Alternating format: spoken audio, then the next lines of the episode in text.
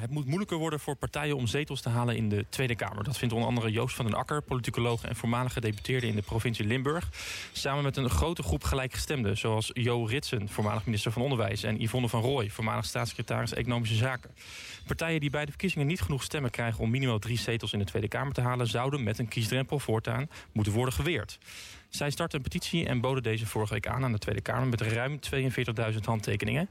Het is nu aan de Kamer om te kijken of en hoe ze hier iets mee gaan doen. Goed om er bewust van te zijn, we hebben al een kiesdrempel in Nederland, namelijk van één zetel. Maar de initiatiefnemers willen het verhogen naar dus omgerekend drie zetels. Deze oproep voor een kiesdrempel volgt een vele reeks van eerdere pogingen tot dusver zonder resultaat. Aan de telefoon een van de initiatiefnemers, dus Joost van den Akker. Goedenavond. Goedenavond. U dacht ik ga het proberen? Ja, we merken dat uh, de besluitvorming eigenlijk strandt in de Tweede Kamer. Het wordt steeds lastiger meerderheden te vinden, kabinetten te formeren. Dus we dachten, wij wagen nog een uh, poging. Want als er één tijd is om de besluitvorming te veranderen, is het wel nu. Ja, hoezo? Nou, omdat je ziet dat er op dit moment uh, niet minder dan twintig fracties in de Tweede Kamer zijn, waarbij er 17 uh, gekozen zijn en daar nog eens drie afsplitsingen zijn gekomen. Ja. En dat eigenlijk al die 20 fracties voor de grote vraagstukken die nu spelen, niet tot besluitvorming komen. Dan gaat het om de woningmarkt of stikstof of belastingstelsel of migratie. En uh, dat heeft er ook mee te maken omdat er zoveel fracties zijn die allemaal hun zegje willen doen, allemaal hun moties willen indienen, allemaal hun vragen willen stellen, dat ze niet meer tot besluiten komen en goed de regering kunnen controleren. Ja, en dat zijn 20 fracties, niet 20 partijen. Hè? Er zit een verschil tussen. Op dit moment 20 fracties in de Tweede Kamer met wat afsplitsingen. Uh, met welk probleem hoopt u eigenlijk op te lossen met een kiesdrempel? Nou, de grote versnippering en versplintering in ons uh, parlement. Um, omdat het dus zo moeilijk is om, om een meerderheid te vormen voor een, voor een besluit... of voor de vorming van een regering... willen we het eigenlijk makkelijker maken dat de partijen wat meer blokken vormen... ook voorafgaand aan de verkiezingen. Wat ideologisch wat dichter bij elkaar gaan zitten... in plaats van dat je een veelheid aan partijen hebt... die er onderling maar niet uitkomen. Ja. De politiek van vandaag geeft geen goede antwoorden, zo schrijven jullie. Dat, dat, dat, zegt u net ook. Mensen worden niet gehoord, vertrouwen is laag. Het gaat vooral over beeldvorming in de Kamer. Een analyse, denk ik, die veel gemaakt wordt. Maar ja, dat is toch een probleem dat in omvang groter is dan een, dan een antwoord uh, dat zich beperkt tot een, tot een kiesdrempel. Ja, je ziet eigenlijk dat het mensen het vertrouwen kwijt zijn in de politiek dat ze überhaupt niet meer besluiten nemen. Dat, -hmm. uh, dat de politiek zelf het probleem is geworden in plaats van onderdeel van de oplossing.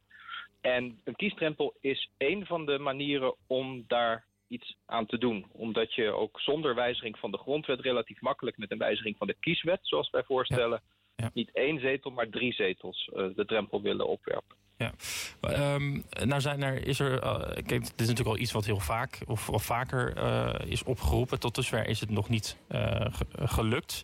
er is namelijk ook best wel wat kritiek van, van mede-politicologen, uw collega's. Zij zeggen eigenlijk, ja, die versnippering komt niet door toename van partijen, maar door een teloorgang van een aantal grote partijen. Dat is ook wel, in die zin wel grappig dat, dat een aantal initiatiefnemers zoals u, maar ook een aantal andere van de Partij van de Arbeid, CDA, VVD, dat, dat waren vroeger natuurlijk hele grote partijen. Um, is dat niet uh, de oorzaak een beetje afleiden van, van wat het werkelijk aan de hand is? Dat, dat daar niet uh, het moeilijker is omdat die grote partijen gewoon niet zo groot meer zijn. Zodat je automatisch bij informatie bijvoorbeeld gewoon meerdere partijen nodig hebt om die meerderheid te krijgen.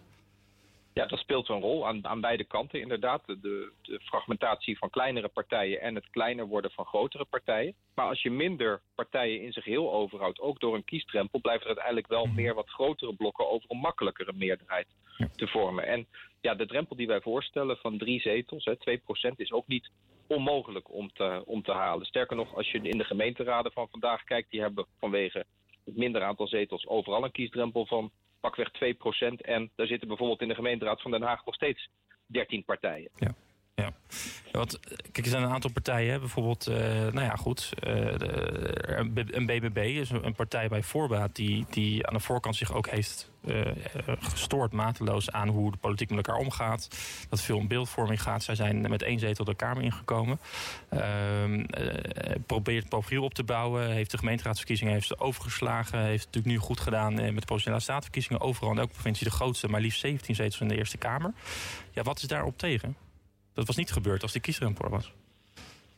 De, met, als de kiesdrempel er was, was de BBB twee jaar geleden niet met één zetel in de Kamer gekomen. Maar natuurlijk met de score die ze vorige week hebben gehaald... was ze overal makkelijk Precies, in maar de, dat komt in de Kamer omdat ze profiel hebben opgebouwd in de Tweede Kamer.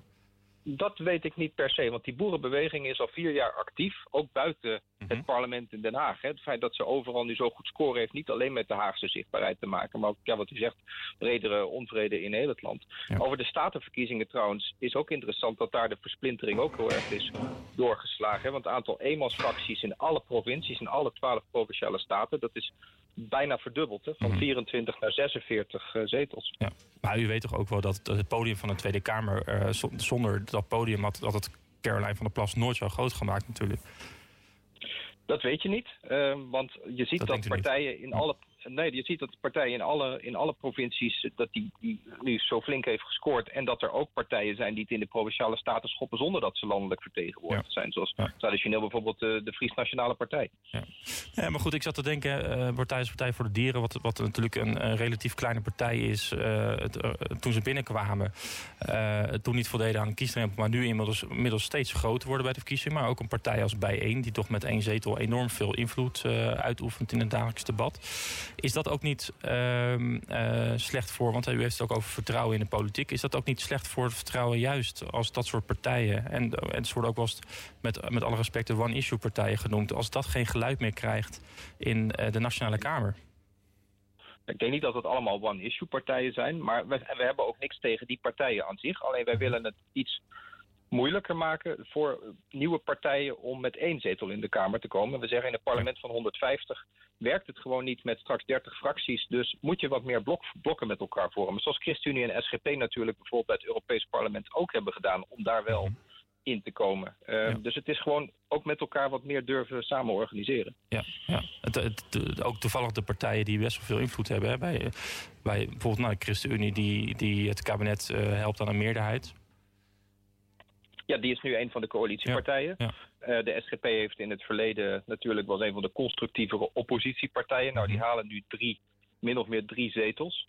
Uh, dus ja, die zouden ook niet bij deze drempel buiten de boot vallen.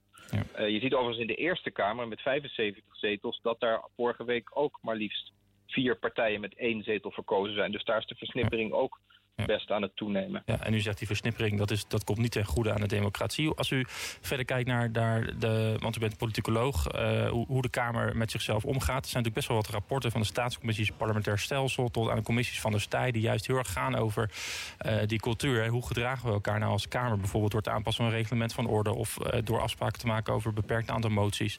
Zodat het toch veel meer over de inhoud gaat. Misschien een dag in de week inplannen voor om alleen maar met wetsvoorstellen bezig te zijn. Ja, is dat ook niet misschien veel belangrijker? Belangrijker over de analyse waar u het ook heeft. Om, om de Kamer toch veel meer aan te spreken op hun gedrag. Ja, dat moet de Kamer ook vooral zelf uh, organiseren en zich daaraan houden. Um, kijk, je ziet dat ze nu 5000 moties in een jaar indienen. Dat is natuurlijk belachelijk. Dat doen, daar trekt ze geen minister of staatssecretaris op die manier zich meer wat van aan. Terwijl het vroeger een, echt een wapen was waar de Kamer zijn tanden kon laten zien. Uh, maar tegelijkertijd is het, is, is het één instrument zo'n kiesdrempel. Het mhm. andere zou, er wordt ook gezegd, is de Kamer wel groot genoeg? Moet die niet groter? Nou, dan moet je dus juist een kiesdrempel invoeren, want anders wordt het aantal partijen nog talrijker. Um, en ondersteuning van Kamerleden valt wat voor te zeggen. Je kunt uh, de leeftijd verlagen waarop kiezers naar de stembus kunnen van 18 naar 16. Dus er zijn best wel wat hervormingen. Alleen een aantal vergt een grondwetswijziging. Ja, en een aantal kan de Kamer ook zelf organiseren als ze zeggen we willen minder spreektijd voor iedereen of minder moties of minder vragen. Ja. Nou, hoe komt het volgens u dat het nog niet eerder gelukt is om die kiesdrempel omhoog te, te brengen? Ja, de durf. Eh, de commissie Remkes die durfde het niet aan te bevelen vier jaar geleden. Want die zeiden, ja, we vinden het nog niet nodig. Maar je ziet dat de laatste vier jaar toch het aantal partijen de versnippering ergens is, is toegenomen. Ja, en er was tot nu toe nog geen meerderheid voor in beide kamers. Ja, wat, wat, want je hebt verschillende instrumenten ook naar de Tweede Kamer. Je kan een petitie in, uh, indienen, maar je kunt ook een, een burgerinitiatief indienen. Daar moet, met het laatste moet, de Kamer zich ook uh, tot, toe aan verhouden. Wat zijn nu de verwachtingen? Want jullie hebben de petitie vorige week ingediend aan de Commissie Buitenlandse Zaken, volgens mij. Wat, wat zijn nu de verwachtingen van jullie daaraan? Ja, we hebben ook met de verschillende fracties gesproken terwijl de petitie liep. Ja. En um, nou, de fracties vinden het allemaal een relevant onderwerp, maar sommigen beraden zich nog over wat ze nu met die kiesdrempel willen.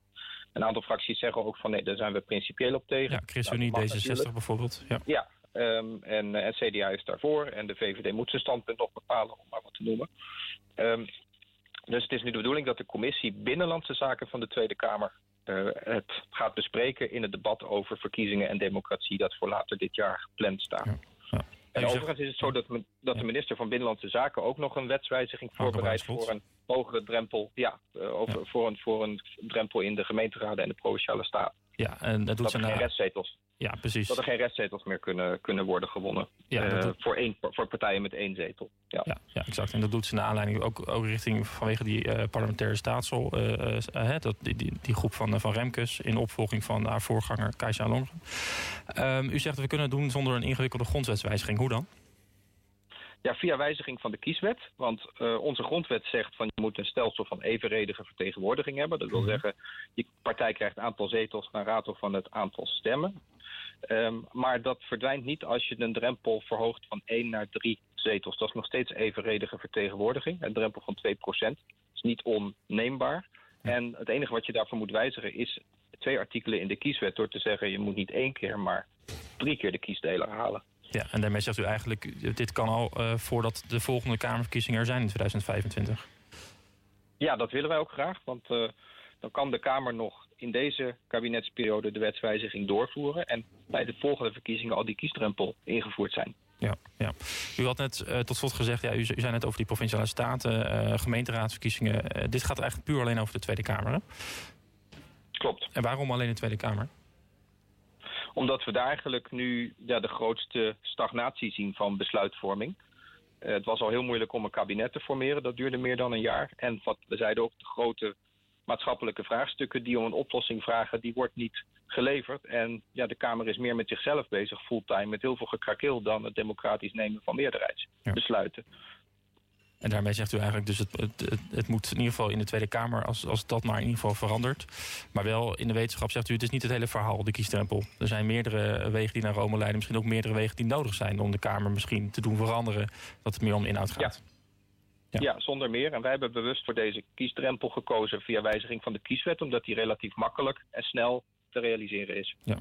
En tot slot, wat zegt u dan tegen die uh, de kritiek of de partijen of, of uh, die, die eigenlijk willen meedoen aan een Tweede Kamerverkiezing, maar in de wetenschap dat ze uh, toch niet minimaal drie zetels gaan halen, zegt u van ja, haal maar op, het heeft geen zin, doe maar niet?